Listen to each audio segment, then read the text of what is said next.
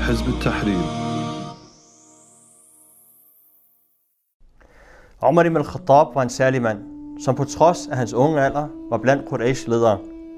Han var blandt de forholdsvis få arabere, som kunne læse og skrive, og han var en stor og muskuløs mand og en dygtig og modig kæmper. Han var en handelsmand, hvilket havde givet ham en plads blandt den velhavende elite i Mekka. Og fordi han besad de her kvaliteter, fungerede han som diplomat for Quraysh-stammen og nød stor respekt blandt hans folk. Omar var ligesom de fleste andre i Mekka idoltilbedere, og han nærede stort had til profeten Muhammad sallallahu alaihi wasallam og det islamiske kald, som han bar til deres folk.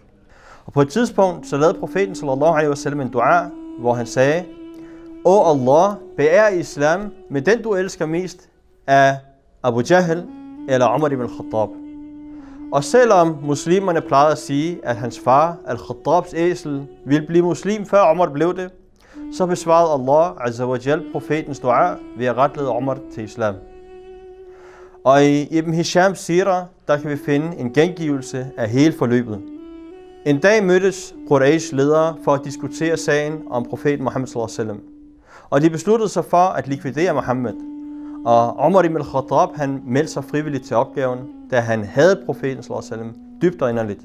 Og på en meget varm dag, ved middagstid, begav han sig ud med sit svær ved sin side, på udkig efter Allahs sendebud sallallahu alaihi wasallam og hans følgere radiyallahu anhum. Og han gik mod Dar al-Arqam ved foden af Safa-bjerget, da han havde hørt, at de opholdt sig der. Og på vejen der mødte han sin ven Nuaym ibn Abdillah al-Naham, som sagde, hvor skal du hen, Omar? Omar han svarede, at han ledte efter ham, som havde forladt sin religion, splittet Quraysh, fornærmet deres intelligens, kritiseret deres religion og bagvasket deres guder, og han havde i sinde at slå ham ihjel. Og Nuaym han sagde så, hvilken dårlig vej du har valgt, Omar. Wallahi, du nar kun dig selv og handler overilet. Og de diskuterede indtil deres stemmer hævede sig over for hinanden.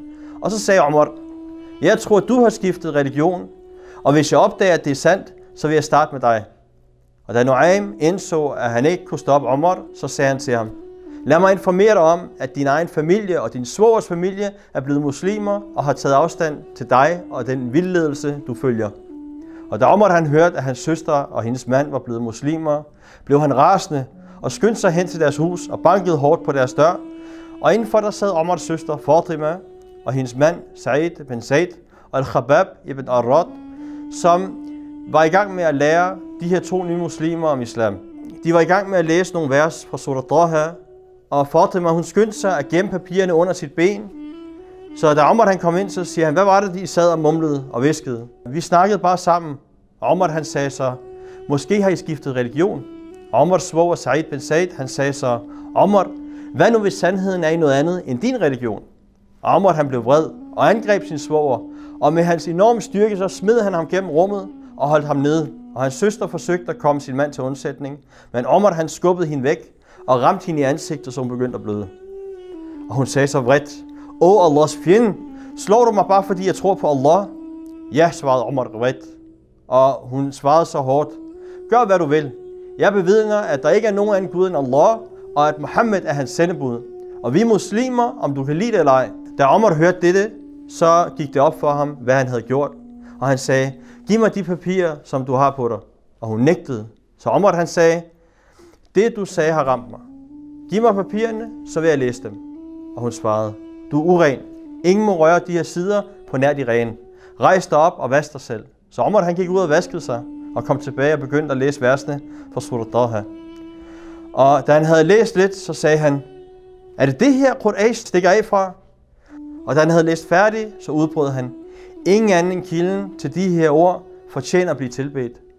Og da Al-Khabab han hørte Omars reaktion, sagde han, glæd dig Omar, for jeg håber, at det her det er svaret på den dua, som profeten sallallahu alaihi wasallam han lavede i mandags.